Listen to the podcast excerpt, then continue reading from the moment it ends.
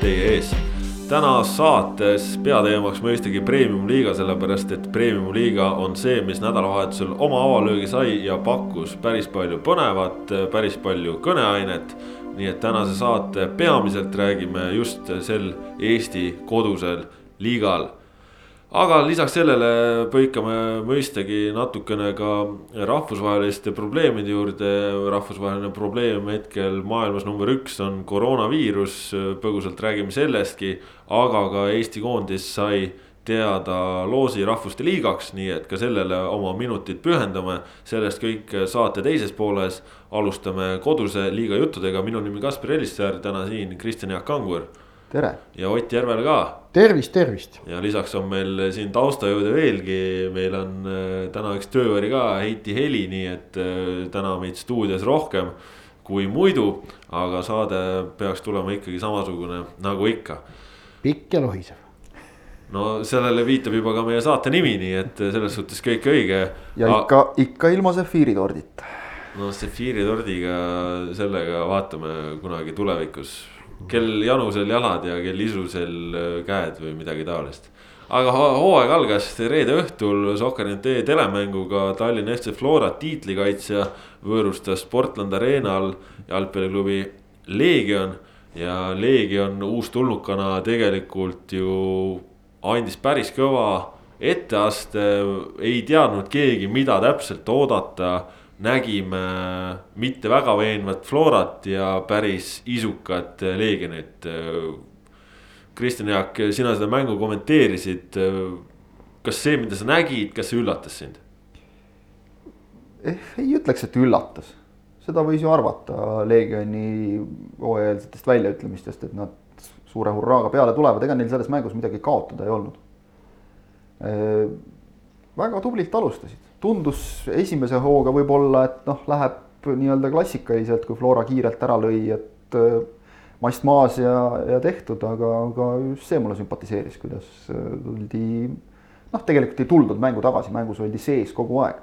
muidugi jah, Flora domineeris teatud määral ja, ja samas oli ka kokkuvõttes ikkagi päris halb Flora, üllatavalt halb Flora aga Leegioni mängule võib-olla isegi esimesel poolajal või noh, ütleme ka pikemas plaanis kõige suurema pitseri vajutas äh, Nikolai Mažitševi vigastus.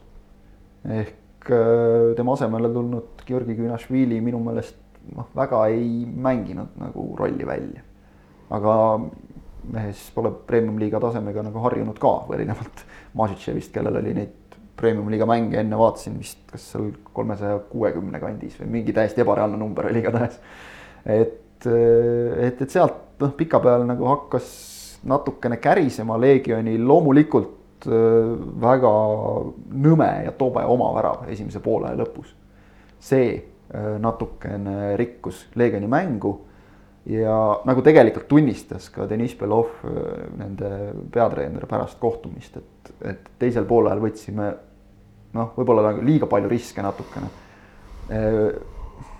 Teisel poolel kadus Leegioni mäng ära ja, ja minu meelest just sellega, et nad üritasid oma mängu natuke rohkem avada.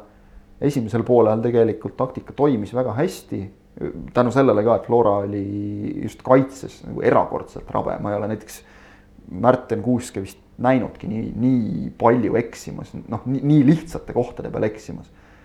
Noh, Enar Jäägeril saab veel panna natukene võib-olla midagi selle vahepealse pika mängupausi arvele ja, ja vähese mängukogemuse arvele ja, ja üldiselt Jääger noh, suures plaanis ikkagi oli, oli omal tasemel, korralikul tasemel, aga, aga just Kuusk oli erakordselt rabe ja, ja kuidagi hästi ebakindel oli see, see Flora mäng ja ja, ja, ja kontrolli nad noh, nagu ühtepidi nagu said ja, ja teistpidi oli kogu aeg selline tunne, et see kontroll võib meil kohe näpp, kohe-kohe näpu vahelt ära minna, asi, mida me tavaliselt Floraga nagu eriti ei seosta, see oli enne Konstantin Vassiljevi vigastust, pärast noh, oli ta veel natukene hullem, kuigi sisse tulnud Henri Välja minu meelest oli täitsa tubli. nii et noh, raske öelda jah, Leegion oli tubli, aga noh, võib-olla osa sellest tublidusest tuleb panna ka, ka Flora rabeduse arvele Ott, sina nägid seda mängu sada kaheksakümmend kraadi teise nurga alt. Äh, kuidas sulle see hooaja avalöök tundus tribüüni pealt? minu meelest me ei, ma ei julgeks ütlema nüüd tõttama, ütlema ja Leegionit kiitma. ma ei ütleks, et nende partii oleks olnud midagi sellist nüüd eriti silmapaistvat, vaid, vaid see, et see kohtumine ei olnud äh, niimoodi eeldatult ühepoolne, oli, tulenes ikkagi FC Flora no partiist, millele isegi kolme miinust on keeruline panna et see oli ikkagi, tegelikult oli esitus Flora poolt, kui nüüd võit välja jätta, pigem mitterahuldav just nimelt selle tehnilise praagi hulga pärast, mida valitsev meister selles mängus tegi. see, kui sa lööd äh, üks-üks olukorras või noh, sellises poolikus üks-üks olukorras üle või mööda või, või väravvaht tõrjub, see on nagu noh, noh, seda ikka juhtub jalgpallis. aga, aga noh, sellised noh, täiesti arusaamatud praagid, söödud kaks meetrit adressaadist mööda Äh, täiesti noh, loogikavabad lahendused äh, kaitsjatelt äh, sööt üles ehitades. Ähm, keskpoolkaitsjate passiivsus, mida me teisel poolel nägime, et see kõik ikkagi ähm, oli, oli Flora jaoks vastuvõetamatu, Kristjan, ma saan aru, et peatreener Jürgen Henni ütleme, žestikuleeri-, žestid ja, ja ütlused väljaku kõrvalt olid ka tema kohta ja. harukordselt otsekohesed ja valjuhäälsed.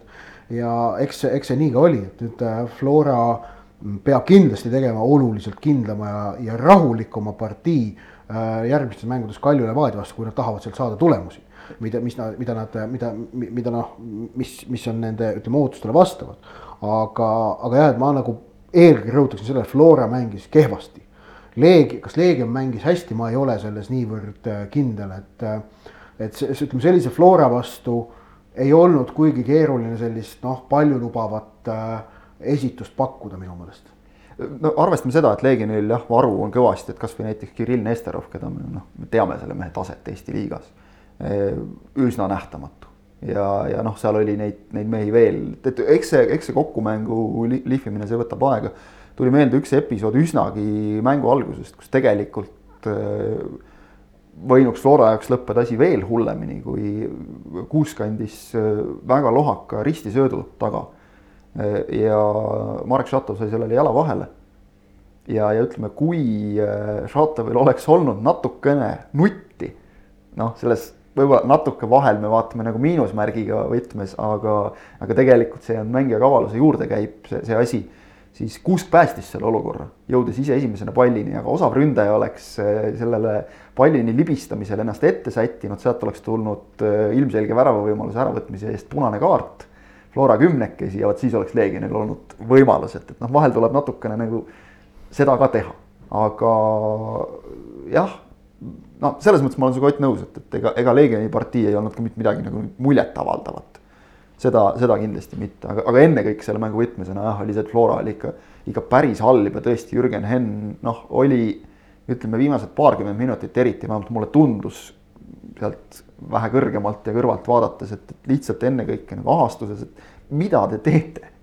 ta ei tundnud oma meeskonda ära, mulle jäi selline mulje.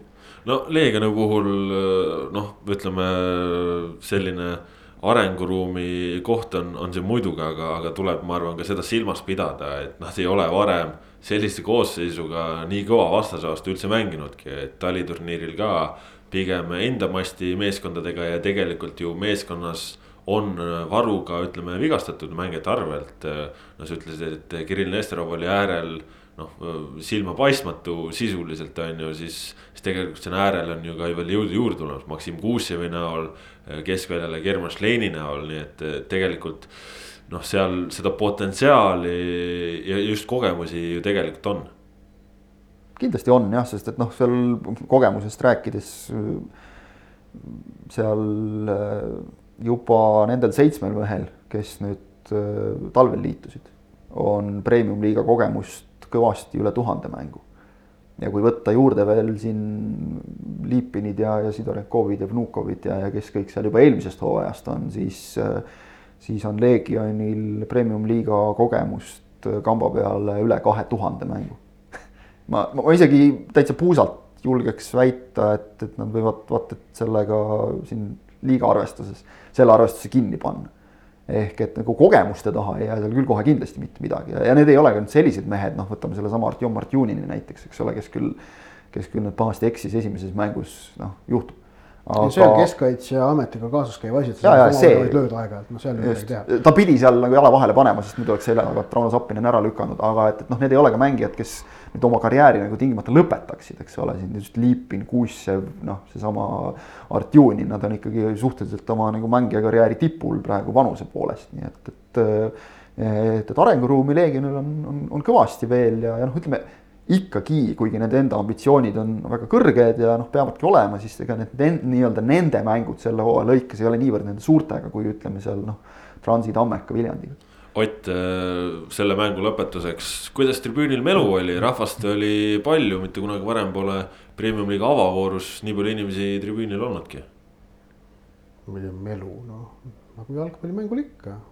Oli, ei noh ongi, ma nagu keskendusin väljakule jah, et väljakul toimuvale, aga noh, ei, rahvast oli palju küll jah, et see oli nagu tõsi.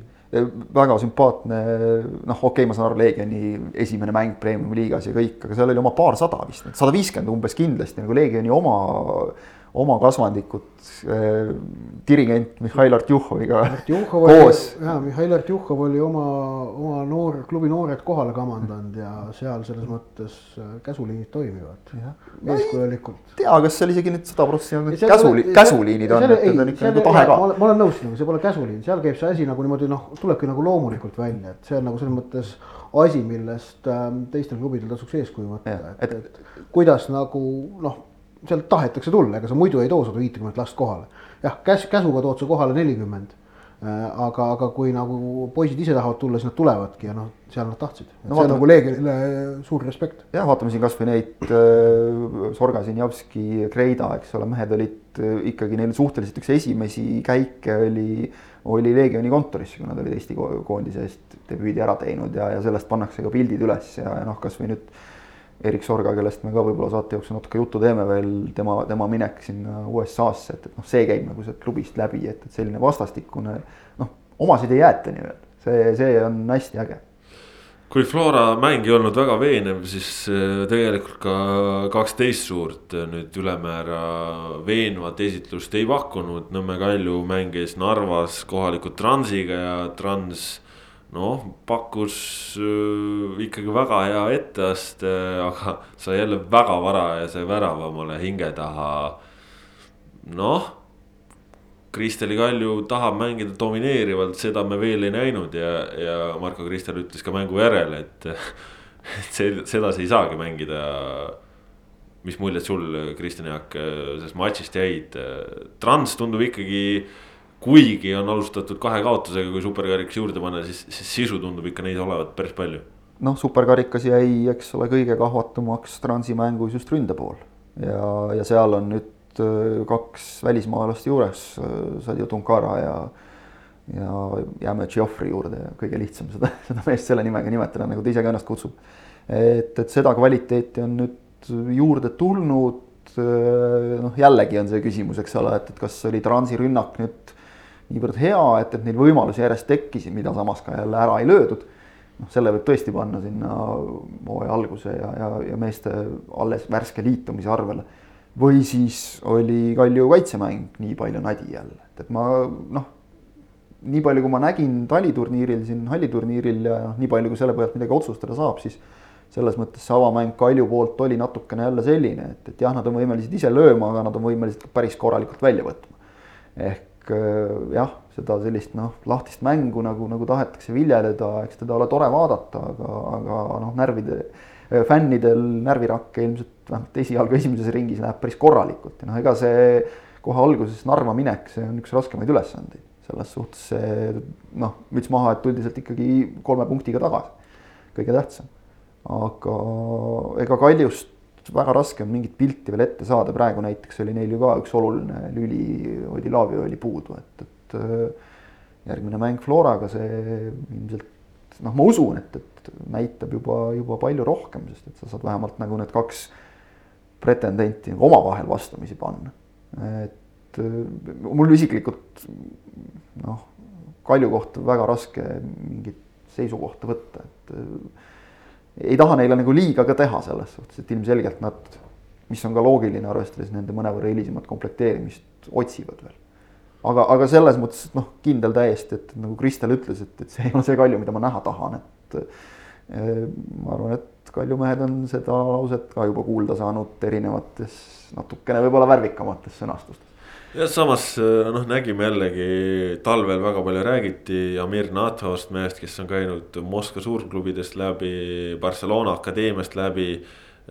noh, mina nägin treeningmängudes ta juba seda individuaalset kvaliteeti ja tegelikult seda individuaalset klassi sai näha ka Narvas, nii et äh, vähemalt üks ikkagi väga-väga põnev mängija premium-liigas on juures. no ma olen alati olnud suht allergiline nagu nende igasugust, et mees on vot kuulunud sinna akadeemiasse ja mänginud seal klubis nende, nende nii-öelda tiitlite suhtes aga noh, seal on tõesti kvaliteeti on näha, et võib-olla seda võibki tegelikult öelda nii Kalju kui Transi kohta, et on näha, et seda individuaalset kvaliteeti on mõlemas meeskonnas tegelikult päris kõvasti. Trans on ka ikkagi suht viimasel hetkel aga saanud ikkagi väga kõva satsi kokku, et, et kui ma ütleme veel mõni nädal tagasi oleks nad asetanud ka sinna noh, ikkagi sellesse teise nelikusse nii-öelda kuskile, siis praegu puht komplekteerimise pealt vaadates on nad minu meelest ikkagi üsna selged äh, viienda koha pretendendid esinelikust, samas ikkagi jäävad maha natukene.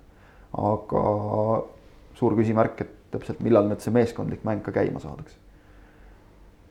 jah, ja Trans noh, tundub jah, et, et siin äh, kuigi nagu talve jooksul päris palju oli siukseid kõhkluseid, kahtluseid kas, kuidas Trans ennast kokku saab, milline see meeskond saab olema.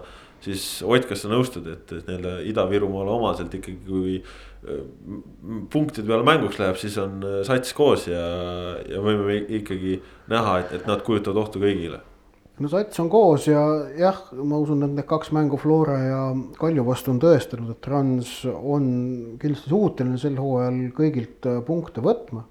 Ähm, nüüd, mis annab see neile kokkuvõttes, mis koha see neile kokkuvõtteks lõpuks tabelis annab, see on nagu omaette teema, sest küsimus on nagu ikka Transi puhul alati on stabiilsus, et on siis huvitav näha, kuidas Tšenkõksan selle stabiilsuse tekitamisega hakkama saab, küll aga jah, on selge see, et ütleme, et mängupildi järgi Trans nendest kahest mängust kahte kaotust kindlasti ei väärinud, et et mõlemas nii mängus nii Flora vastu kui, kui Kalju vastu ja noh, Kalju vastu ikkagi rohkem Flora vastu ikkagi võimaluste tekitamine oli nende jaoks probleem, aga nüüd Kalju vastu tekitati ka võimalusi.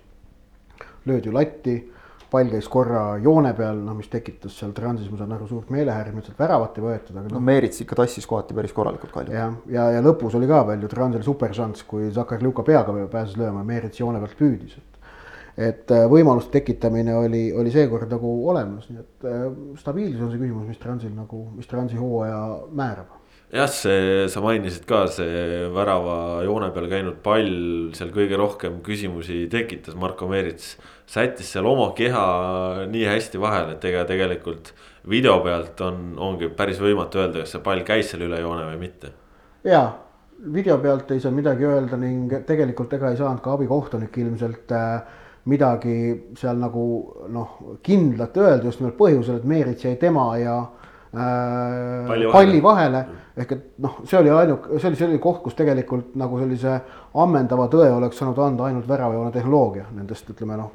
no võimalik, et ka kui meil oleks kõrge kaamera seal otsajoone peal, aga no sellist äh, televõimekust, et meil hakkavad otsajoone peal kaamerad olema, niipea premium liigasse ei tule, see nõuaks umbes kaheteistkümne kaamera ülekannet, mis on noh põhjendamatult äh, kulukas. ja isegi siis, isegi siis oleks see kaamera pidanud olema seal publiku pool küljes ehk et.... või piisavalt kõrgel. jah, või, või ikka hästi kõrgel. jah, et, et ühesõnaga väravane tehnoloogia oleks ainuke asi, mis oleks seal nagu selle selguse andnud ja aga noh, säärased jah äh,, määramatused paratamatult jäävad ikkagi jalgpalli, kui me just väravane tehnoloogiat ei kasuta äh,, siia Eesti liigasse ikkagi alles küll aga siis noh, muidugi arusaadav, et Trans on, Trans on praegu kohtunike peale tige nagu Herivane, see on täiesti arusaadav kaks sellist äh, vastuolulist otsust, ma ei ütle vastuolust, ütleme kaks sellist nappi otsust kahes mängus järjest, mille nad mõlemad napilt kaotasid, on läinud nende vastu, et see Irje eemaldamine ähm, noh, kus tegelikult ju vea tegi esmalt Soomets, see, mis seal seejärel toimus, selle üle võib vaielda, kas see oli teist kollast kaarti väärt või mitte.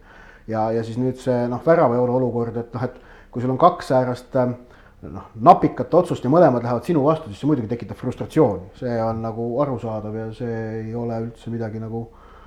ei, ei ole nõus sellega, et lihtsalt äh, olge vait. kui on tuju halb, siis tuleb rääkida. noh, samas seekord suudeti nagu püsida niimoodi Jah. sellistes piirides, et, et rahakott jääb raha alles. erinevalt superkarika järgsest. superkarika järel noh, mind läks Tšenko üks anda, kui ta ise mulle seda intervjuud andis, no mul ei olnud midagi muud teha, kui need sõnad nagu kirja panna, mis ta ütles, et noh, ta läks liiale aga, aga noh, sest ta ütles, sest ta vihjas sellele, et kohtunik tegi meelega ebaausalt, vilistas. seda ei tohi, selle eest saabki karistada, see on väga õige. küll aga ei tohi karistada selle eest, kui treener või mängija ütleb pärast mängu, et kohtunik oli väga halb ja see on piinlik, et säärane inimene premium-liigas vilistab. ma ei pea nüüd silmas konkreetset partiid, mida Romer de Raio seal superkarika finaalis tegi, vaid üleüldiselt kohtunike, kui kohtunik on halb ja mängija või treener seda ütleb, siis selle eest muidugi jalgpallit neid karistada ei tohi kui ta ütleb, et kohtunik oli halb ja selline inimene ei tohiks premium-liigas vilistada. see oleks, see oleks sõnavabaduse piiramine. mille eest meil Rogic eelmisel aastal täpselt sai? põhimõtteliselt sama eest, et ta ikkagi, ta ikkagi andis, vihjas, andis mõista, et kohtunik, kohtunik oli kallutatud. kohtunik oli ebaaus. jah, jah., seda ei tohi ja tegelikult ega selle eest täpselt, kui sa ütled, et, et noh kohtunik oli jobu, ega siis noh, kui sa nagu viisakuse jobu, piiridesse jobu on, jobu on ka sõl, solvav sõna no,. aga kui sa üt, üt, ütled noh, et vilepartii oli läbinisti ebakompetentne ja saamatu ning äh, ennem kui see olukord ei parane, ei arene ka Eesti Premiumi liiga kuskile. ma siin praegu annan praegu õppetunde praegu kõigile Premiumi liiga treeneritele, kuidas pärast mänge kommentaare anda.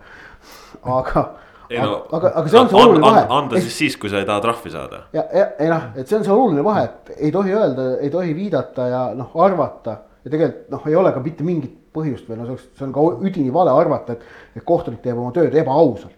see, et vahest läheb partii rappa, see on muidugi arusaadav, see, seda ikka juhtub, on ju igal pool, aga jah. aga et nüüd jah, Eesti liigas keegi nagu meelega ära vilistaks, noh, see on sihuke, ega tegelikult seda ei usu need treenerid ise ka, see on lihtsalt sihuke frustratsiooni pealt tulnud emotsioon aga veel ka kolmas eh, selline ajalooline suur klubi, Tallinna FC Levadia. alustas Martin Reimi käe all mänguga Kuressaare vastu.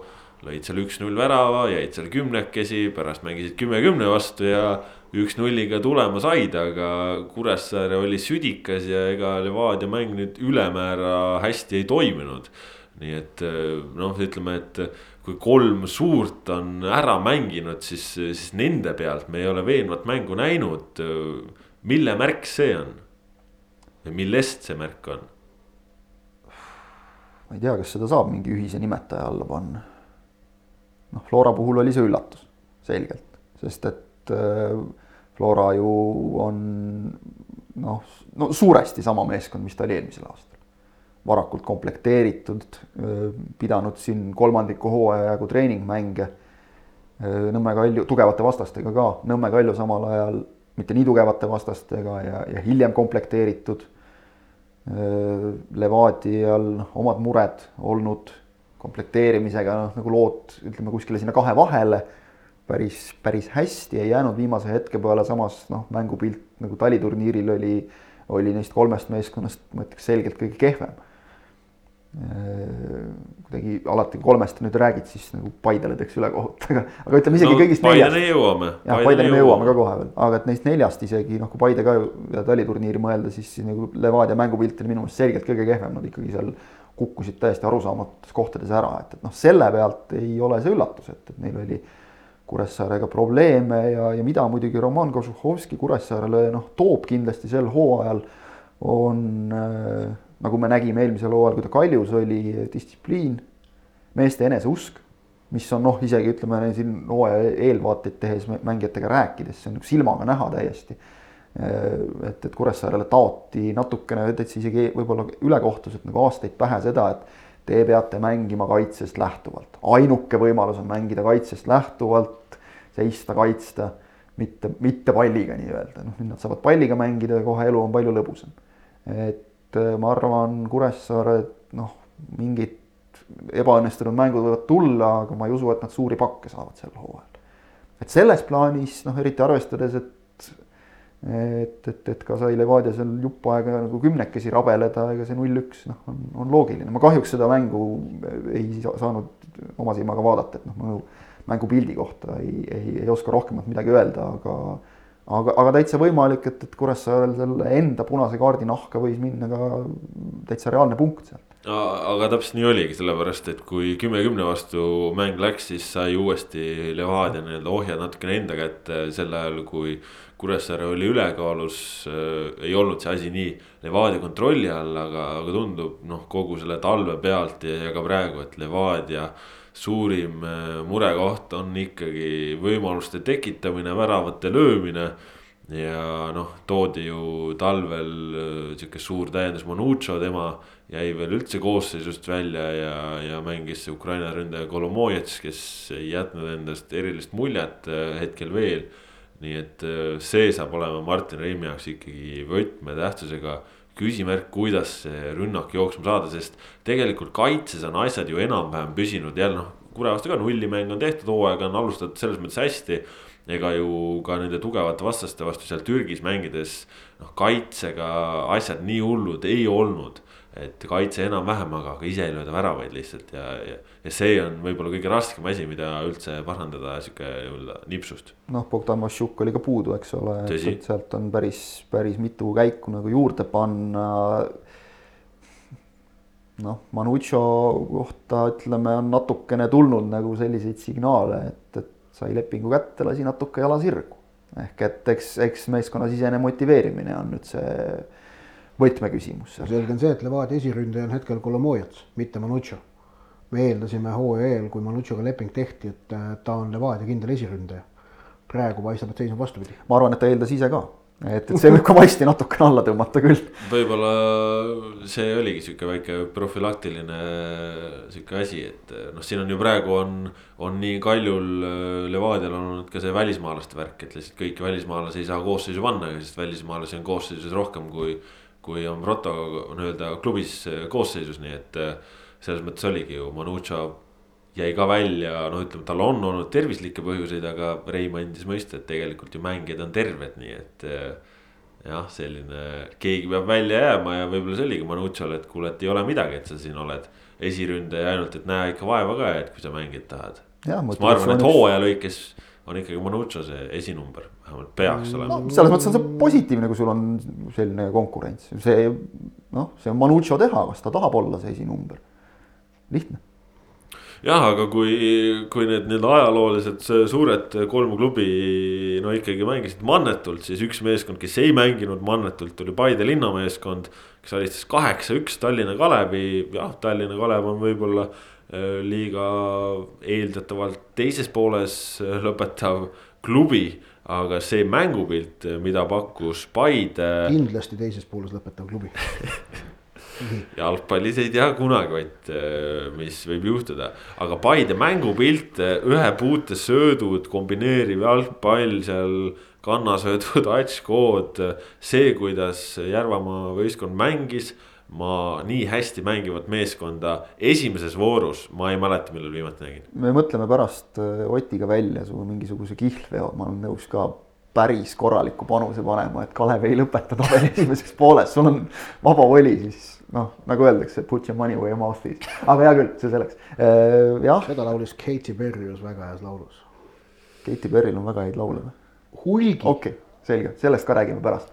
Äh, ühesõnaga jah, Paide, Paide, et Paide jah, raske nüüd öelda, kas Paide oli nii tohutult hea või, või Kalev ikkagi. no Paide oli, oli hea ka sellepärast. ei no, noh muidugi see, oli, see, mis, Paide oli hea, ma ei vaidle absoluutselt see, mis Kalevi lõi rööpast välja, oligi Paide kõrge pressing. Kalev ei saanud tulema ja, ja sedasi ütleme noh, Paide ei teinud söödupraaki. ütleme, Flora tegi, Levadia tegi, Kalju tegi, Paide ei teinud. ja Paide mängis äh, lõpuni, ehk et äh,. mott oli väga kõrge, just nüüd lõpuni pingutada, et see on see, et, et viis-nulli peal võtaks nagu jala maha, ei võetud. no lõpuni. Slava ei luba Slava konkreetselt ei lubanud, sellepärast et no ma aeg-ajalt kuulsin, mida ta ütles oma meeskonnale ja. ja ta käskis ikka kogu aeg vinti juurde panna, nii oli..., nii kui keegi natukene tõmbas jalga tagasi, kohe said. ja see oli minu meelest mitme värava järel oli hästi kuulda, et, et no ja nüüd jälle. et siin ei ole nagu seda, et, et noh, nüüd lõime neljanda ja lõime viienda. ja nii peabki, väga õige seda ma tegelikult, märkasin juba eelmisel äh, aastal, et, et Eesti tipud äh, vaat kui vahel on siin nagu kurdetud selle üle umbes, et, et on siuksed mängud, kus nagu ei pea lõpuni pingutama. see on su enda teha. pingutad või ei pinguta. kui sa ise ei viitsi, siis noh, loomulikult on hea öelda, et näed, vot kus nõrga vastase tõttu, et ei, ei pidanud lõpuni pingutama.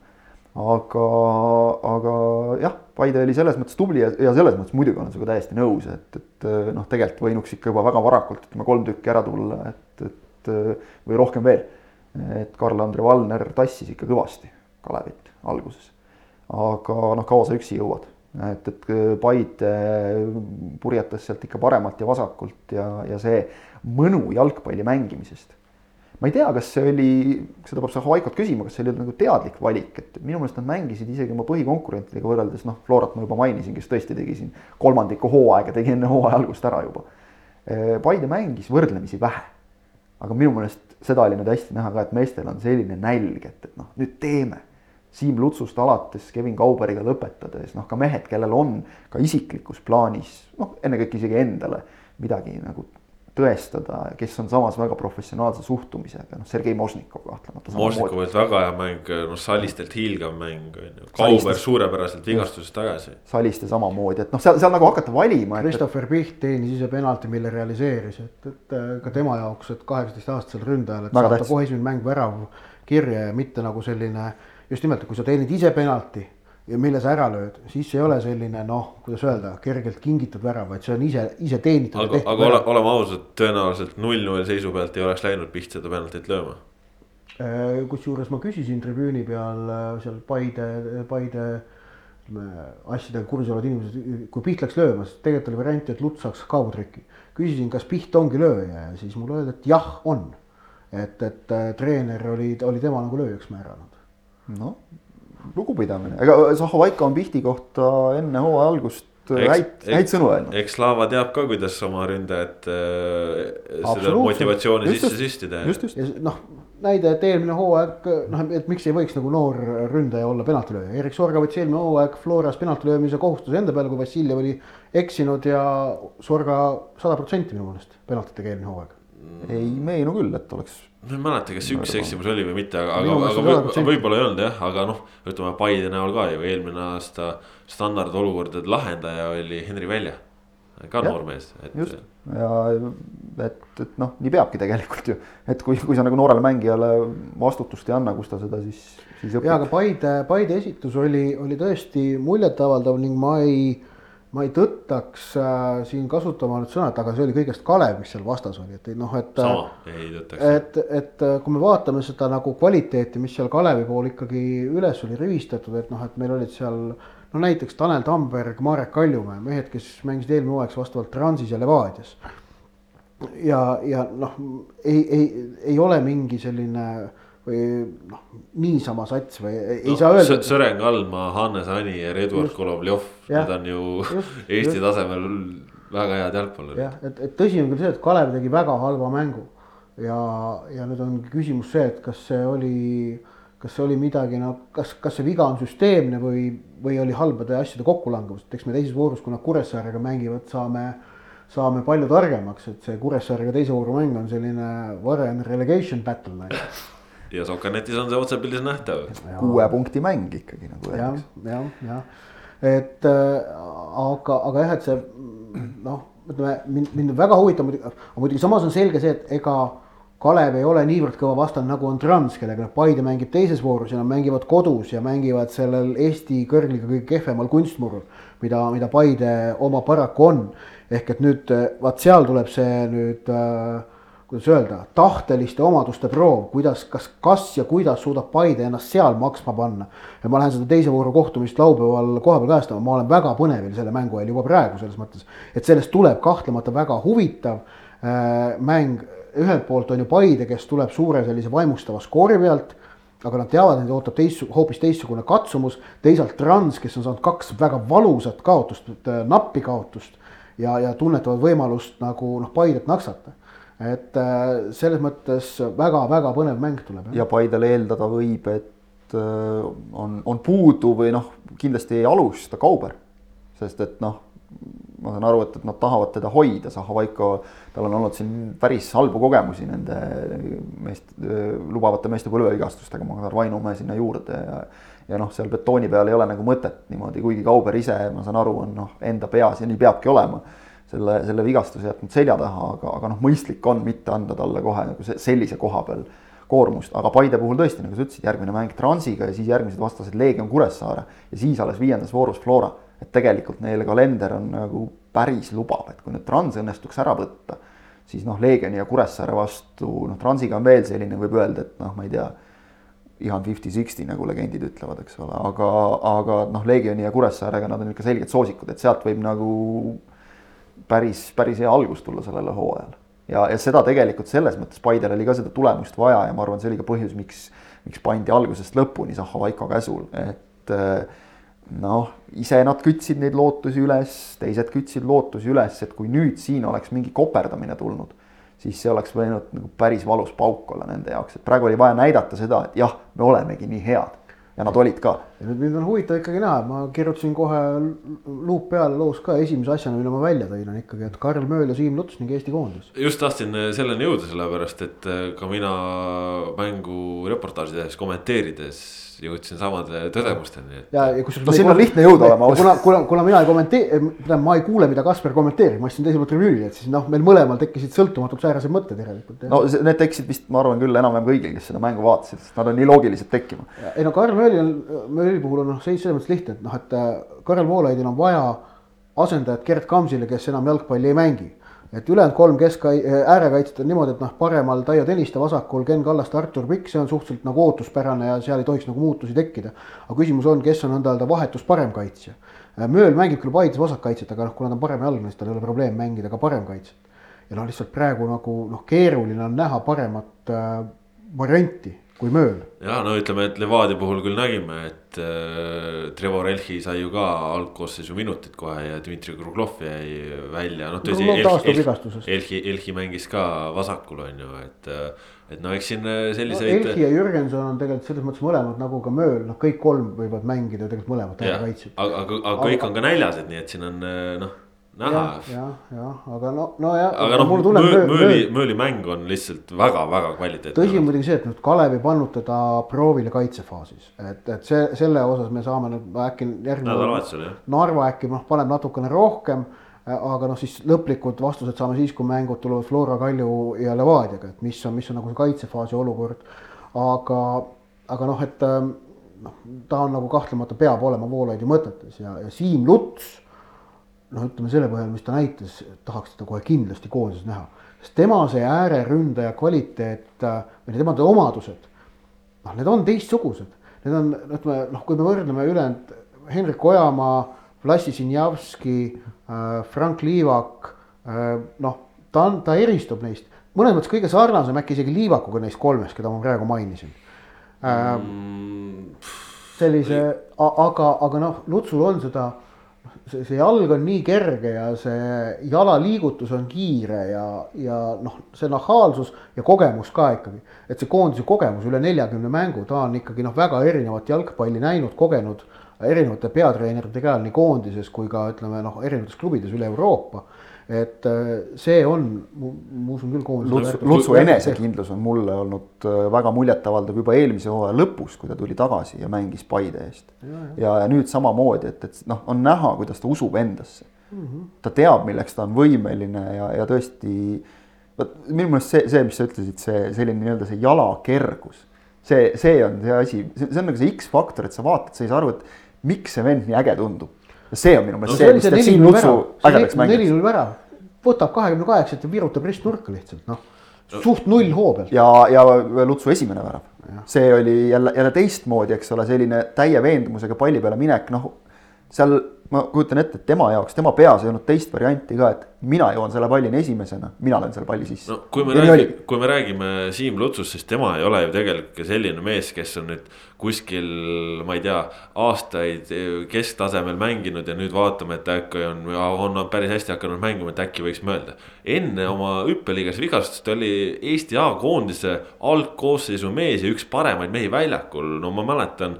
kui me oleme siin toimetuse hindeid pannud koondise mängudele, Siim Siim Luts on seal tipus figureerinud pikalt. ja lihtsalt see, et tal oli nüüd õnnetu aasta vigastuse tõttu eemal. kaks tuhat kaheksateist oli väga hea. siis, siis nüüd on ta terve ja, ja, ja ei näe nagu põhjust, et, et tema kvaliteet võiks üldse kuidagigi välja jääda. ja ta on näljane, ta on tahtmist täis, eks ole. ta oli kaks tuhat kaheksateist tõesti ju hea, ta oli noh, Reimil, äh, toonasel peatreeneril ju noh, suht automaatne nimi seal. absoluutselt, absoluutselt et äh, Siim Lutsu tõttu ju ka Hendrik Ojamaa pidi mängima kohati paremal äärel. et äh, noh, see midagi näitab, et, et Luts on olnud ikkagi koondise mõttes väga oluline lüli ja noh. kui ta niimoodi jätkab, siis ei näe nagu väga šanssi, et ta peaks kuskil välja jääma või, või midagi taolist, et. Pole ju siin selles ka küsimust, et Paide, ma ei tea, treeningtingimused või koormused oleksid jube madalad või noh, see ei ole täna ju teema. vot, aga siin premium-liiga juttude lõpetuseks äh, veel ka pühapäevast üks mäng. Äh, noh, kes kuidas nimetab, Lõuna-Eesti derbi Võrtsjärve tervi, kuigi siin äh,. mõni ei taha üldse terviks nimetada võib-olla. mõned äh, Tartumaa inimesed ja, ja sealt Lõuna-Eestist pärit, need teavad, et ikkagi Rannu ja mis iganes kohad ei mänginud, et, et Võrtsjärve ikka. okei okay,, tähendab, ma ütlen selle Võrtsjärve tervile ma ise välja pakkusin, ma ütlen, mina seda ei suru, aga kui inimesed hakkavad kasutama, siis hakkavad, igaühe vaba valik ja ma ise seda ei suru kuskil peale äh,. aga mis puudutab seda, mitu tervit Premium-liigas on, ma muuseas pidin kolmapäeva õhtul tuldi minu käest, ei, reede õhtul ühes seltskonnas küsiti mu käest, et, et noh, miks jälle mingi derbi, kas meil iga mäng on derbi, ma vastasin, et ei ole.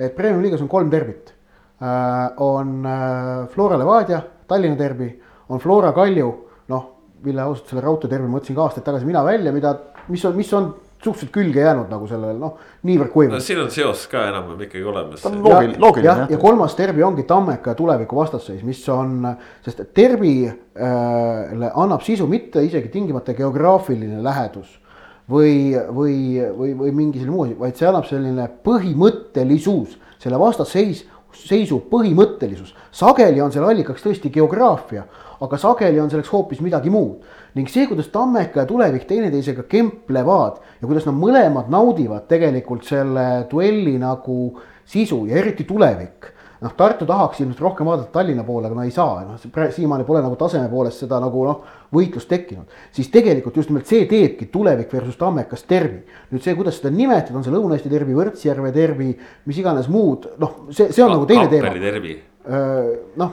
ühe, ühe mängija kaudu seda nimetada, see on nagu. no Tartus on Siim Valtna nimeline derbi Tartu Velko ja Tartu Santos vahel no,, mida okay. enam ei eksisteeri ja mis on ja. nüüd üks klubi. Kapper, Kapper ei ole veel nagu legendi staatusesse ka jõudnud erinevalt palkadest, aga. ma tahtsin öelda, ühesõnaga derbi äh, annab sisu selle vastasisu põhimõttelisus, mitte nagu muud asjad, et noh, et ongi samamoodi, et noh, et Kalev, Flora on tegelikult on ju ka mõlemad Tallinna klubid, aga noh, no ei ole tervi, mis siis on samas linnas, noh. ei ole mingit Flora ja Kalevi vahel hetkel, me ei näe mitte mingit sellist põhimõttelist vastasseisu. et see on lihtsalt nagu noh, võitlus ja isegi Kalju ja Levadia vahel ma ei tunneta seepärast, ütleme.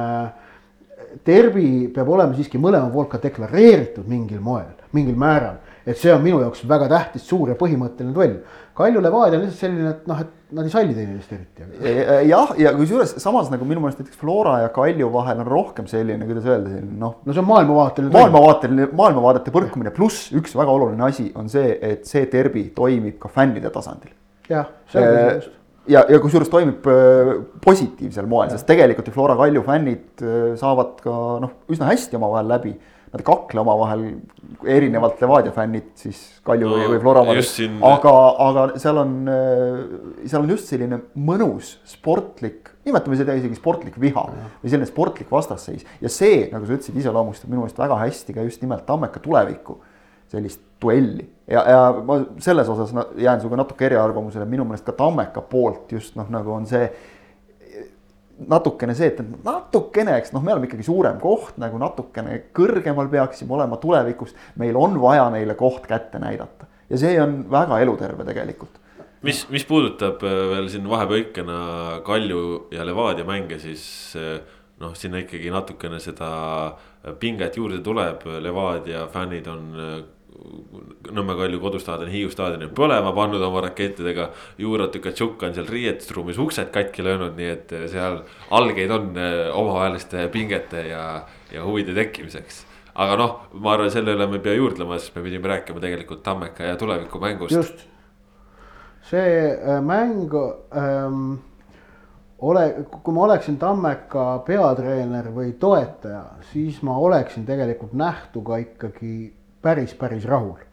sellepärast, et äh, võistkond alustas äh, väga hästi, sattus siis Sabinasse või no tegelikult oli Sabinas algusest peale, ta ei löönud neid võimalusi ära, jäi kaotusseisu ja olid olemas kõik eeldused, et, et see hooaja avavaatus läheb tuksi ja, ja lagunetakse, kõik eeldused selle jaoks olid olemas, et noh, et sul on suured ootused, sa oled kaotusseisus, sul on äh, palju publikut vaatamas, et noh, selle all murdumine on alati spordis noh, võimalus.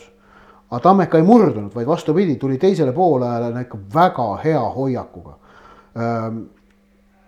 agressiivne, aga mitte ülearu agressiivne, just nimelt see agressiivsus oli väga hästi suunatud äh,, rihitud pandi tulevik kohe ikka noh, parajasse plindrisse. saadi aru ka muidugi sellest, et noh, et tulevik oli standardolukordadest haavatav, Tauno Teko tsenderduste kvaliteet nurgalöökidest ja karistuslöökidest oli suurepärane ähm,.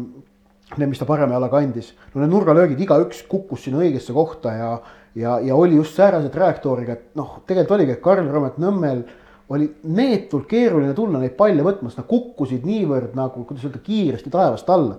et noh, seesama üks-üks värav, kus Daniel Maanas lõi siis Nõmm tuli välja äh,, ei ulatanud, noh, Maanas lõi ära, ilmselt kui isegi Nõmm oleks joon olnud, ma arvan, Maanas oleks ikka ära löönud. distants oli väga väike, et noh, seda tõrjuda oli keeruline äh,. et, et need Teko tsenderduste kvaliteet oli väga kõrge ja, ja selles mõttes nagu Tammeka näitas sisu, et sellepärast, et noh, et noh, nad peavad suutma võita siis, kui nad ei mängi kuigi hästi. Nad mängisid teisel poolel hästi, aga minu meelest mitte, aga, aga kokkuvõttes niimoodi ütleme noh, nelja miinuse peale, kui ma üheksakümmend minutit vaatan. sest et ütleme, hea periood oli teise poole alguses seitsmekümne viienda minutini, see oli Tammekalt väga hea pool tundi, aga seejärel tekkisid probleemid, sest tulevik tegelikult sai seal pärast Tammeka kah-, veidikene pärast Tammeka kahte ühte seda Nõmme imetõrjet, mille ma palun siis tõesti arhiveerida, äh, on ju. Äh, see Nõmme imetõrje, see oli, see oli, see oli midagi müstilist see oli nagu noh, jäähoki väravahil selline kiire. põhimõtteliselt tõi, käsi tõusis kuidagi. tõi selle palli kuskilt nagu kukla tagant või selja tagant ja, välja mingi imeliigutusega. just, just, no super. pall oli möödas. täiesti super. Äh, et, et pärast seda tekkis tegelikult Tammekal raskusi, tulevik sai korraks veel surve peale. et ma ei ütle, minu arust jah, kokkuvõttes Tammeka ei mänginud äh, mingit sellist noh, ülearu head partiid, aga ikkagi suudeti võita Äh, võistkonda, kes on nende ikkagi eeldatav, on ju noh, lähirivaal. Ähm, ja see on väga tähtis. no ikkagi otsene konkurents. eelmine hooaeg oleks Tammeka selle mängu ära munanud. mina vaataks seda asja niipidi, et, et kui ma oleks, nagu sa ütlesid, kui ma oleks Tammeka peatreener ehk Kaido Koppel, siis ma vaataks täna hommikul peeglisse, ütleks, kuule päris hästi tehtud. ehk et äh, selle teise poole minu meelest keeras äh, seal, no ütleme, üks peatreener mängis teise üle ma ütleks niimoodi. et äh, tulevikul noh, oli niigi see natukene neil nagu harjumatu formatsioon, mida nad ei ole väga palju mänginud. Mis oli muidugi väga kummaline, oli see, et ei mäleta ma ka siit hooajaeelsetest mängudest nagu ei, vähemalt silma küll ei jäänud. et, needsamad nurgalöögid või noh, standardolukorrad kõik, mida sa mainisid, jah, üks asi oli see, et, et Teko andis väga häid palle. teine oli see, et äh, tulevik mängis äh, tsooni nendes olukordades. kui nad seni on mänginud mees-meest, et noh, see nagu kuidagi ka sealt kärises nagu jube palju. et, et ikka, ikka no põhimõtteliselt iga pall kasti oli, oli õudne jama oli majas. Ja, ja see lõpuks noh, tekitas meeskonnas mingi ebakindluse, tuleviku pink oli muidugi lühike võrdlemisi ja, ja, ja noh minu meelest ei olnud ka need vahetused ei olnud kõige õnnestunumad. tulevikust nüüd midagi positiivset mainida, siis mul tunne, et äh, jah, et. Äh, et ütleme, nad vaata. mängisid, nad mängisid minu meelest tegelikult hästi, aga mingitel olulistel hetkedel jäid nagu õiged otsused tegemata ja sinna see, see mäng läks. midagi positiivset tuleviku kohta öelda, siis ma arvan, see mäng andis mulle, tekitas minus küll sellist nagu pigem usku, et Kaimar Saagi vigastusest, mis kestab vist maikuuni vigastuspausis, suudetakse üle olla et, et, et edu, ründemäng äh, ei vaju kokku tänu sellele, et Saagi ei ole, kes oli eelmine hooaeg Premiumi-liiga paremuselt äh, teine ründaja pärast Erik Sorgi. aga just siit see tähelepanek ongi, et on ju ka need korralikud täiendused olnud eelkõige just ründeliini, rünnaku, ründava sellise noh, kaaluga. aga kui me vaatame seda tuleviku kaitsemängu tekitab küsimusi. no see on suurim küsimärk oli juba, juba enne hooaja algust, eks ole, et, et kuidas, kuidas see kaitse pool on, et noh, kui sul ründes on, eks ole, Maarin Kapper ja, ja Herol. Heroli puhul arvestame ka, et mees jõudis vist reedel, ma ei tea, poolest päevast vist jõudis Viljandisse, pühapäeval oli mäng, et noh, see on nagu selge ka, et, et äh, läheb aega, enne kui asjad klappima saavad, et seda kõike arvestades noh, oli isegi nagu suhteliselt tipp-topp kõik. aga, aga eks see kaitse on, on kindlasti küsimus jah. ja, ja ütleme, võib-olla isegi mingil määral mõjutab see, et äh, Kristjan Kask mängib praegu ründes. Kaarima Saagi puudumisel, rünnaku tipus, sest noh, kedagi teist sinna nagu otseselt panna ei ole. eelmisel aastal oli ta keskväljal väga hea. et, et noh, need on nüüd need sellised ahelreaktsioonid, et, et nihutad ühe mehe ühest kohast ära, tekib kuskile mujale mingisugune väike, väike vaakum ja, ja noh, nii ta läheb, et, et et noh, näis, seal on ka uusi mehi, eks ole, Marko Puditšil on näiteks juba kasvõi tulla ikkagi esiliiga B-st, eks ole, kohe nagu premium-liigasse, see on ikka jõhker hüpe. lisaks see, et, et ta ei ole seal esiliiga B-s või noh, üldse Eestis nagu ka ju väga kaua mänginud, pool hooaega kõigest. et, et noh, aega võtab. üks mees, kellest ma tahan veel rääkida selle mängu kontekstis on Igor Tuudarev, Levadiast Tammekasse toodud äh, keskkaitsja. ja, ja äh, ma tahan rääkida sellepärast, et minu jaoks on nüüd küsimärk endiselt selle mängu põhjal otsustades, äh, kummas suunas Tuudarev äh, liigub. ehk et äh, kui Levadiast tuleb Tammekasse mängija põhikoosseisu tegijaks, siis eeldus on see, et ta säilitab oma taseme ja tõmbab teisi natukene ülespoole kaasa. aga on arvestatav võimalus, et kui selle mängija iseloomuomadused ei ole vastavad, siis tal tekib kergem muganemine ja ta hoopis laseb natukene enda standardid alla, et sobituda sellesse uude keskkonda äh, paremini.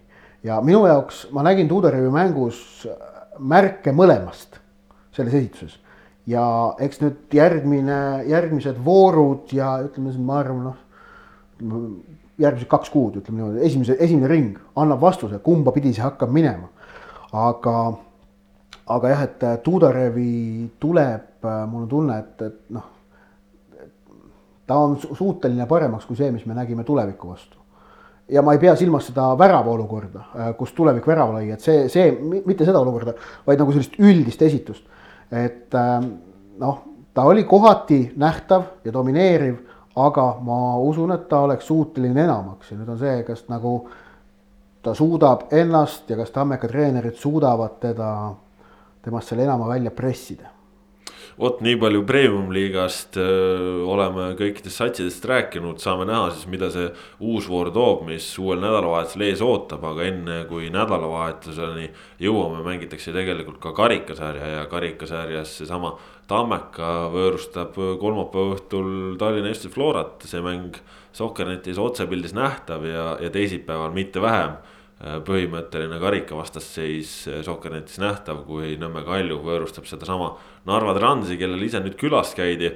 aga jääme otsapidi veel Eesti jalgpalli juurde, Erik Sorga, Eesti koondise ründaja, sai värskelt kirja oma debüüdi Ameerika Ühendriikide meistrisarjas MLS-is, äh, sekkus seal vahetusest Miami Interi vastu klubi vastu siis, kes kuulub osaliselt või mis kuulub osaliselt David Beckhamile ja, ja sai ta mängu tänu Norraka Ola Kamara vigastusele. tuli, mängis noh, veel päris perfektset esitust ei teinud, aga Ott, kuidas sulle meeldis see, mida, mida sa Erik Sorga poolt väljakul nägid? No õnnestunute sekka seda partiid äh, kanda ei saa, sellepärast et äh, noh, nagu Rauno Sappinen meil siin äh, selles silm peale loos ju ütles, et ründajaid hinnatakse selle järgi, kui palju lööb ta väravaid, mitte seda, kuidas ta teeb survet või mida iganes muud, on ju. ja Sorgal oli selles mängus üks väga hea võimalus lüüa värav, kui ta pääses üks-üks olukorda vastase väravaiga kaheksakümne esimesel minutil, seis oli küll kaks-üks tollel hetkel DC Unitedi kasuks. selles olukorras ta seda realiseerida ei suutnud, kaitsja äh, Andres Reyes vist oli nimi, mingi kolumbialane oli selles äh, Miami Interis, jõudis järele, tegi hea taklamise, võttis palli ära. ja kolm minutit hiljem oli, oli siis Sorga palliga ja minemas ja ütleme, DC-l oli selline kaks-üks rünnaku moodi asi, et see oli koht, kus oli vaja anda õigeaegne sööt partnerile, kellel oleks olnud siis soodne võimalus ja Sorga selles olukorras söötu anda ei suutnud ja lõpuks kaotas ka palli ja proovis seal karistuses konksu hakata tegema, talt võeti pall ära et need äh, momendid paraku jäid kõige rohkem silma tema esitusest, aga nüüd noh, need ei olnud muidugi ainsad momendid. et ta oli mängus sees rohkem esimesel poolel, äh, see pool tundi, mis ta mängis, siis talle pall jõudis temani, ta, ta võttis sellega üht-teist ette, triblas julgelt, äh, niimoodi isukalt sundis seal vastase kaitsjaid taganema, ehk et tema noh, pani nad ebamugavust tundma aga, aga seal ei olnud tal nagu eriti võistkonnakaaslastelt toetust, ehk et need DC Unitedi rünnakud esimesel poolel jooksid nagu umbe, et seal ei olnud sellist nagu noh, loogilist jätku. teine poolega oli selles mõttes väga kummaline, et see äh, esimesed viisteist minutit oli see, millega DC United läks seda mängu siis kaks-üks juhtima. et, et selle, selle faasi jooksul nagu noh, väravad tulid mujalt ja Sorga kuigi nähtav ei olnud ja pärast seda, kui DC United oli juhtima läinud, siis nad äh, noh, mängisid tohutult halvasti kaotasid initsiatiivi, olid no, no lapsikult mängisid. see oli ikka päris kohutav ausalt. päris selline skisofreeniline jalgpallimäng oli kokkuvõttes ütleksin. ja, ja selles mõttes mind selle mängu üldine tase üllatas halvast küljest, sest kui, kui, kui Sorga sinna talvel läks, siis me rääkisime ka, et tegelikult MLS on ikkagi võrreldes Lindbergi aegadega noh, märgatavalt edasi arenenud ja, ja ausalt noh, näiteks need mängud, mis ma eelmine sügis vaatasin, kui seal Rooney mängis play-off'is ja ja noh, viitas, et ongi nii, et noh, et ikkagi noh, oli nagu küps jalgpall siis praegu noh, see mäng oli, oli jälle selline kuradi kergelt Mikihiire jalgpalli moodi asi. samas see oli hooaja teine voor. Äh, noh, meil enda kolleeg Siim Pulst meie selles äh, Skype'i vestluses ütles naiivselt, ütles väga hästi, et, et äh, hämmastavalt naiivne ja, ja hämmastavalt naiivne ja loogikavaba vist oli ta ütlus mäng ja, ja noh, sellega, seda, sellega tuli nagu noh, nõus olla. et noh, tahaks nüüd näha, mis seal nagu edaspidi hakkab juhtuma, tõsi on see, et see DC Unitedi koduväljaku, väljaku kate oli nagu silmatorkavalt äh, no, kehv. ei ütleks... soosinud, ei soosinud head jalgpalli. noh, väljakul oli näha, et oli kuiv ja künklik. ma ütleks, et hetkel Lillekülas nagu tundub parem, et. kindlasti. see oli, see oli nagu täiesti hämmastav, et noh. samas, samas. võimalusi nagu on, et, et aga, aga mis, mis oli, mis oli tõesti nagu selles mõttes minu jaoks ka noh, selle mängu lõpp, kus kus, kus ju ikka väga pikalt teisel poolel tegelikult sai mängida üheteistkümnekesi kümne vastu DC United mängu lõpp oli pigem sedamoodi, et, et noh, ma olin suhteliselt veendunud, et seal üritas nende väravavaht vahepeal näiteks palli oma väravasse visata, et, et noh, sihuke natukene anekdootlikuks kiskus asi juba. ma olin suhteliselt veendunud, et nüüd kuskilt noh, kellegi rikošetist äh, üheksakümmend pluss lüüakse see kaks-kaks ära ja jäävad ilma oma võidust, et, et noh, see, see loogika läks kõik selles suunas, noh, seekord läks õnneks. aga teisel poolel tõesti see jäi ka silma, et, et noh, Eh, huvitav ongi see, et, et näiteks eh, tundub noh, kui natukene netis ringi kolistada, eks need arvamused on ka sellised eh, noh, millisele saidile täpselt satud parajasti. aga, aga et, et kohalikud fännid pigem nagu olid Sorgaga ikkagi rahul, et nemad ei hinnanud ainult seda, et näed, ei löönud ära, vaid hindasid seda, et, et noh, ta tahtis, tegi, töötas. ja seda individuaalitsemist oli, oli seal mõne teise mehe poolt ka väga palju näha, et, et noh, nii nagu Sorga ütleme, ühe korra jättis söötmata, seal mõni mees jättis talle ka samamoodi söötmata. ehk et noh, punnitati ise, kaotati pall ja siis sealt tuli kontra jälle kohe, et noh, tõesti äärmiselt naiivne ja, ja tõesti lausa kohati rumal mäng no ja samas, kui palju siis neid eh, debütante ikka on, kes oma esimeses mängus väravaid löövad, et eh, Erlin Haaland on võib-olla üks selline jalgpallur, kes no, sellega hakkama saab, aga. küsimus ei ole selles, kas sa lööd või mitte, vaid küsimus selles, et kuidas sa nagu saad hakkama endale noh, avanenud võimalustega. et kui sul on sajaprotsane võimalus siis äh, see jääb meelde, kui seda ära ei löö. ütleme kasvõi siis tuleb vähemalt nagu lõpetada see korraliku löögiga, noh, väravaht võtab ära, siis võtab, eks ole, seal oli see, et, et mulle tundus, ma ei tea, minu tõlgendus puhtalt. Äh, peab Sorga enda käest järele küsima, et, et kuidas talle väljakul tundus, aga mulle tundus, et oli see klassika, et kui sa Eestist lähed, no midagi ei ole teha, meil Eestis siin on kauem aega tegutsemiseks, seal on see, et sul kohe on kaitse seljas isegi kui me räägime, et, et noh, seal võib-olla see meeskondlik mäng ei ole niivõrd hea, siis noh, individuaalselt need mehed on ikkagi nii palju üle. ja nii oligi täpselt. Sorga seal just selles söödu, söödu, võimaliku söödu olukorras, selles teises olukorras, mida Ott kirjeldas, ta jäi korraks mõtlema, hetkeks, sekundi murduosaks, sellest juba piisas. kaitse oli jaol, olukord läinud. noh, samas nähes nagu, mismoodi ta kohanes siin Eesti liigas ka tegelikult ju senisest intensiivsema tempoga ja, ja teistsuguse mänguga siis see tal küll väga kaua aega ei võtnud ja, ja noh, ega treenerid nüüd päris sooja õhku ka suust välja ei aja, et, et kui, kui siin peatreener just ju enne hooaja algust kiitis Sorgat, et ta, ta haarab suhteliselt hästi nagu lennult seda, mida on vaja teha ja, ja mõistab mängu. ja, ja noh, kõik õige jutt ka, et siis äh, tahaks nagu loota, noh, meenutame Eesti koondises, eks ole, tema tulekut, et jah, natuke läks aega, aga ta siiski suhteliselt kiiresti sai aru, mida ta peab tegema, kui kiiresti ta peab tegema, ma usun, et ta õpib seal ka ei taha nüüd teisele mehele vigastust soovida, aga noh, loodame, et, et ta saab nüüd näiteks järgmises mängus võimaluse ka kohe alustada ja, ja siis ikkagi mängida veel, veel paar täismängu, et siis saaks nagu õigema pildi ette. aga ärme unusta seda ka, et kui DC Unitedi üleüldist mängupilti või siis iseloomustada see, et me räägime, et tegu on alles teise vooruga ja meil oli siin just Eestis esimene voor, kus nägime, et ka meie tippklubid mängisid väga halvasti, siis kõik võib olla loogiline, aga, aga Sorga puhul tegelikult ta on ju kuu aega treeninud meeskonnaga kuu aega. Ja tema talv äh, möödus ju väga suuresti jõusaalis rassides ja, ja selles mõttes, et, et ta ei saanud ju, ta ei harjutanud meeskonnaga pärast seda, kui, kui ta Floraga, Florast nii-öelda lahkunud oli, siis ega ta enam äh, Floraga treenimas ei käinud sellisel määral. Äh, mis tähendab seda, et, et tegelikult seda pallitunnetust, uus keskkond ja see meeskonna selline hooaja ettevalmistus, põhja ladumine, ega see tegelikult jäi tal natukene poolikuks, nii et äh, siin pole imestada, et see kõik võib natuke aega võtta. aga nii palju siis Erik Sorgast äh, Eesti koondis sai nädala keskel teada oma rahvuste liiga sügisesed vastased, kui meid loositi C-tasandil ühte alagruppi Armeenia, Gruusia ja Põhja-Makedooniaga. ja no mu isiklik arvamus selle grupi peale oli küll selline, et kuule ju, jumalast äge. lõpuks ometi sellised vastased, kellega on võimalik võidu peale mängida, et kui siin valitsüklis olid meil Hollandid, Saksamaad, noh igal, igal juhul nagu väga raske ja, ja eelmises rahvuste liigas noh ütleme seal ka noh, Ungari tase natukene kõrgem, Kreekad, värgid on ju ei, ei tundu nagu nii käegakatsutav, siis praegu on ikkagi võistkonnad, kellega on võimalik jalgpalli mängida ja see on positiivne. see on oluline vahe on seal rahvuste liigas sellel nüansil, et kui eelmine kord olime, oli C-divisjon koosnes võistkondadest, mille üldine tabelikoht oli kakskümmend viis kuni kolmkümmend üheksa, siis nüüd koosneb C-divisjon võistkondadest, kelle tabelikoht on kolmkümmend kolm kuni nelikümmend kaheksa. Ehk et äh, seal on ikkagi see supp on kaheksa koondise võrra lahjem äh, ja, ja see on väga oluline määraja selles vastastes, mis sealt ka tulevad. sealt ei olekski saanud nii karmi gruppi tulla nagu. ainukene, ainuke asi, et ainukene noh, kes oli nagu selgelt sportlikult tugev ja kes oleks olnud halb loos, minu meelest oleks olnud Kreeka ülejäänud äh, pottides oli suht nagu võtta üks ja viska teist, olulist vahet nagu ei olnud, äkki Kosovo vältimine oli nagu hea, sest neil on, tundub, et noh, neil on selline no,. Tuhh on sees. tuhh on sees jah, ütleme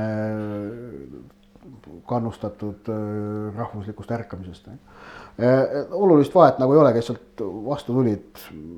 kahju, et Armeenia ja Gruusiat ei UEFA ühe reisi peale võõrsil mänge ei pannud, aga aga seal pole nagu midagi parata, et kui nii on, siis nii on ja tuleb sõita siis Makedooniast sinna, oli vist Gruusiasse viimane. just, jah.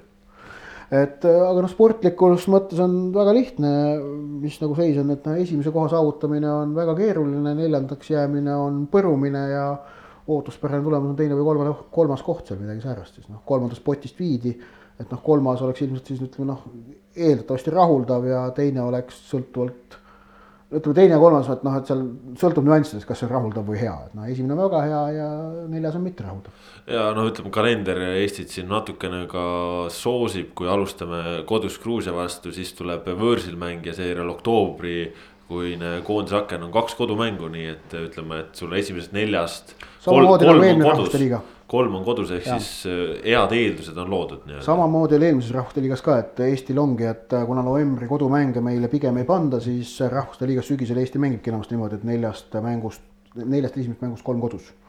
et no novembris, äh, kui on võimalik Eestit kodus mängima ei panda, mäletame kaks tuhat kaheksateist oli samamoodi, et Eesti ja Soome olid samas grupis, mängisid mõlemad novembris mõlemad mängud võõrsil vahetasid seal omavahel seda Kreekat ja Ungarit. ja, aga noh, siin ongi, kui natukene vaadata noh, tõesti neid meeskondasid, siis no seda, seda asja ei ole, et ütleme, et kodus sa lähed mängul vastu ja, ja sa tead, et ega siit täna ei tule. kodus tuleb noh, kõiki võitma minna muidugi Just. ja on põhjus kõiki võitma minna, aga samamoodi ütles Karel Voolaid äh, minu arust ka õigesti, et kõik teised vastased arvavad, nemad on Eesti vastu mängudes soosikud. nii see ongi, noh, see on see, asjade reaalne seis. ja see sobib võib-olla isegi. jah võib-olla noh, mine võta kinni. põnev grupp on selles suhtes, et ega seal on noh, täiesti igaüks võib jääda esimeseks ja viimaseks. Ei... ma tahan, ma tahan, oota Skopje on novembris, novembris saab minna ja vaatab, kas leiab Skopje vanalinnas üles selle, selle mingisuguse kohviku, kuhu kahe tuhande seitsmendal aastal, kui Eesti mängis Skopjega, viigist-, Skopjes Makedooniaga, viigistas Raio Piiraja väravast üks-üks, jätsime me kas oli kahe või kümne kroonise, mis pandi sinna klaasi taha, et neil oli seal mingi valuutaklaas ja ma proovin selle sama koha seal Skopje vanalinnas siis üles otsida, vaadata, kas on alles, kas on alles. kolmteist aastat hiljem. üks lugu kohe olemas juba, kui, kui ja. läheb, läheb mänguks ja, ja ma tean, et noh, nii mõnigi nagu neist äh, Eesti koondise fännidest, kes nii-öelda kogub sihtkohti et natuke nurises, et noh, Gruusias, Armeenias alles käisime siin, eks ole. taheti jah Moldovat või Albaaniat või Kosovot. midagi põnevat aga, aga samas minu meelest Armeenia ja Gruusia on täiesti sellised kohad, kuhu nagu tasub iga kell uuesti minna, et et, et, et vahvad, vahvad paigad ja noh, ütleme, et, et ka sealt on nagu sellist Eesti nagu jalgpallifolkloori juba kaasa võtta, et ma tean Oi, suhteliselt usaldusväärsetest allikatest, et see viimane Armeeniaga mäng et, et. kaks tuhat üheksa. ei, nüüd, kui siin Aa, alles oli see sõprus, sõprusturnee seal, rahvaste sõpruse turnee, siis, siis üks, üks fänn, ma tean, et, et on, on juba asunud kodus seda joonekohtuniku lippu triikima, et, et see oleks ikkagi ilusti viisakas. sest ta veeti, sest ta veetis terve selle mängu teise poole joonekohtunikuga kaasa liikudes. Ja pärast tahtsid minu meelest kõik armeenlased, kes olid staadionile tulnud temaga pilti teha, nii et. Äh, no Eesti jalgpalliajakirjanik. on, on võimalik minna ajalukku, ütleme okay. väga lihtsate liigutustega. ja Eesti jalgpalliajakirjanike folkloori kuulub muidugi meie kolleegi Oliver Lombi seiklused oh, Jerevani ümbruse mägedes aastal kaks tuhat üheksa. millest, millest on... avalikkus äh, ei tea suurt midagi. ja ei saa ka teadma ilmselt kunagi, mida on äh, Võt, alati või... väga tore kuulata, aga samas kaasneb sellega alati see faktor, hea, et endaga ei juhtunud. just, kõik läks hästi, kõik oli väga sõbralik, keegi ühe loomadega inimesed selle sündmuse käigus kannatada ei saanud, kui välja arvata see šašlõkk, mille, mis lombile sisse söödeti. No, see on seal loomulik. et, et nagu päris selline, kes teab, kes teab, kes teab, see teab, lugu ei oleks, siis no lühidalt jäi oma lendudest maha, ei olnud raha ja seal ütleme, et head armeenlased majutasid teda, toitsid teda, jootsid teda ja, ja, ja üle riigi tegid. sai kogeda kohalikku külalist. otsige Oliver Lomp üles, ta ei ole väga selline noh, ta ei liigu väga pimedates sfäärides, võtke nööbist kinni ja küsige, et räägi ära, mis sinuga juhtus ja küll ta räägib. just, aga siia saate lõpetuseks äh, veel natukene ka aktuaalset teemat, äh, koroonaviirus värskelt tuleb siin veel uudiseid, äh, mänge peetakse suletud uste taga ja. ja noh, kas me oleme tõesti sellises seisus, et võib-olla varsti üldse liigad jäävad seisma? jaa, võib vabalt olla. tühjad tribüünid on, on ilmselt vältimatud noh, need on Itaalias juba reaalsus, need on tegelikult reaalsus juba ka Hispaanias. Valencia, Atalanta mängitakse meistrite liigas ilma pealtvaatajateta, Euroopa liigas Hetafe mäng ilma pealtvaatajateta.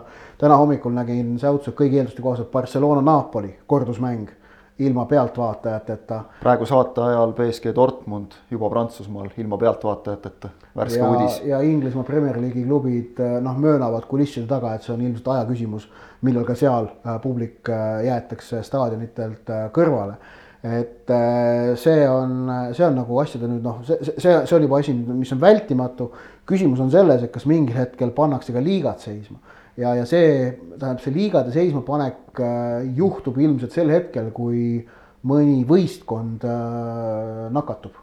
Äh, sellepärast, et siis, siis muutub võimatuks selle võistluse edasiviimine, see muutub osalejatele ohtlikuks. ma usun, et niikaua, kuni seda, seda ei ole juhtunud, kõik jätkub, mänge, mänge peetakse edasi, sest see on noh, telelepingud on, on need, mis määravad seda asja ja kalender on teine asi, mis seda määrab et jah, pealtvaatajatest tulenev tulu jääb klubidel saamata, aga see Euroopa tippliigades ei ole enam primaarne tulu, et primaarne tulu on teletulu ning inimesed, kes eh, kui, kui, kui peavad kodus istuma ja neid inimesi on noh, praegu lihtsalt ollaksegi kodus, see on mõistlik, on ju. siis eh, ütleme, jalgpalli vaatamine on üks võimalus seda aega sisustada, mis sa seal kodus teed, on ju, et noh, et raamatud mingil hetkel saavad kõik läbi loetud, eks ole ja. sõltub palju sul on neid kodus, jah. nojah, aga, aga no näide on see, et näiteks ma lugesin, et äh, Inglismaa esiliigas Leeds United on juba teinud säärase lükke, et äh, noortevõistkond ja naiskond viidi esindusvõistkonna baasist ära mujale tegutsema ehk et hoida äh, kontakti esindusvõistkonnaga minimaalsena, et vähendada noh, seda nakatumise ohtu. ehk ma usun, et kindlasti see nagu toimib praegu igal pool ja, ja noh kas, kas juba ei olnud, kas juba ei olnud Taanis minu meelest see, kus, kus mingi meeskonna oli. mängijad juba, juba on nakatunud, nii et noh, tegelikult ja seal oli väga huvitav just see, et, et. Äh, ei, seal oli vist abitreener minu meelest.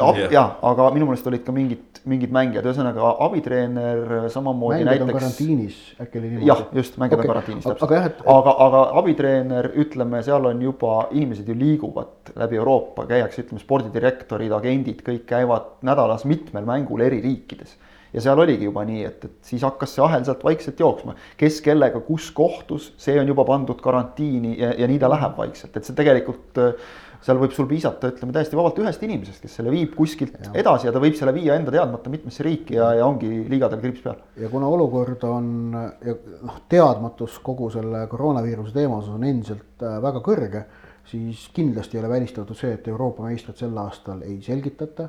kindlasti pole välistatud see, et meistrite liiga võitjat sel aastal ei selgitata, et äh, mingid meistrivõistlused jäävad lõpetamata. Äh, ja äh, mida, tekkis, mida tekkis... see kõik endaga kaasa toob, kas liigadest tõusmised-langemised jäävad ära äkki, kas Liverpool saab oma tiitli kätte?